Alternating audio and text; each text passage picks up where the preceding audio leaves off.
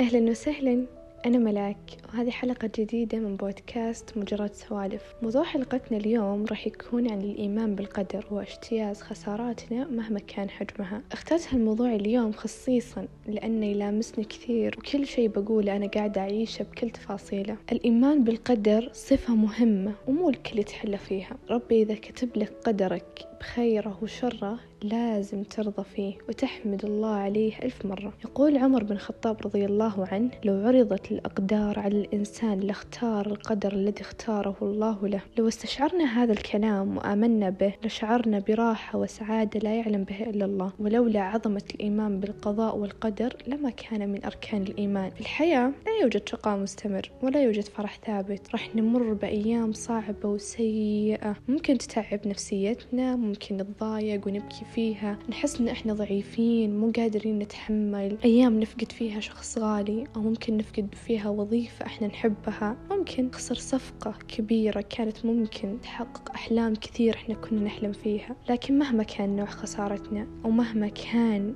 ألمها كبير دايم نقول الحمد لله على كل حال لا يندب حظه إلا ضعيف الأمل. لا تكون شخص ضعيف ورقيق من أول هزيمة أو خسارة تنكسر وتنسحب. لا كمل طريقك. تطيح مرة واثنين وثلاثة. خل عندك إيمان بالقدر. خل في بالك إن ربي كاتب إنك تطيح هالمرة وتخسر لأنه يبيك تحاول مرارا وتكرارا إلى أن تصل للي أنت به لازم تكافح مهما كانت عثرات الطريق كثيرة. تبي توصل لمنصب معين كافح واجتهد. تبي تتخطى جرح قديم أو ماضي سيء كافح عشان تجبر هالجرح وتنسى هالماضي. قال الله تعالى قل لن يصيبنا إلا ما كتب الله لنا. دايم خل عندك إيمان بأن الله كاتب لنا السعادة والفرح والأيام الجميلة لكن في وقتها المناسب. ولازم نرضى بما كتبه الله لنا. ولا نقدر نغير من قدرنا. قال الرسول صلى الله عليه وسلم كتب الله مقادير الخلائق قبل أن يخلق السماوات والأرض بخمسين ألف سنة. قدر الإنسان مكتوب له من قبل أن يولد.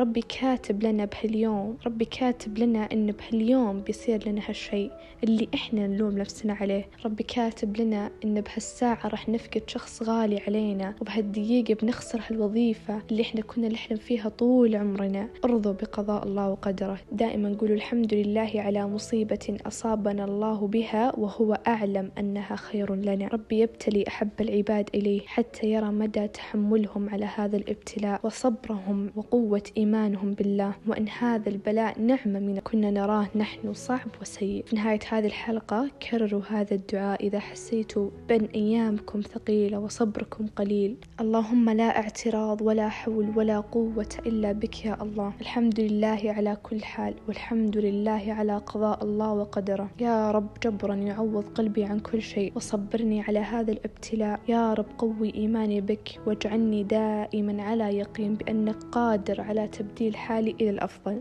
أسألك يا الله أن تجعل كل قضاء قضيته خيرا لي. وهذه كانت حلقتنا. أتمنى أنكم استفدتوا وقدرتوا تفهمون المعلومة اللي أنا أبي أوصلها لكم. أن إذا ربي كتب لنا شيء لازم نحمده. ونقول يا رب لك الحمد. مهما كان هالشيء سيء أو صعب علينا أو إحنا مو قادرين نتحمله هذا هو قدرنا وهذا هو المكتوب لنا ولازم نحمد الله عليه. إذا ربي أصابنا بمصيبة فالله يحبنا ويبي يشوف إحنا كيف نقدر نتحمل هالمصيبة. يبي يشوف إيماننا وحبنا له. أشوفكم في الحلقة الجاية بإذن الله.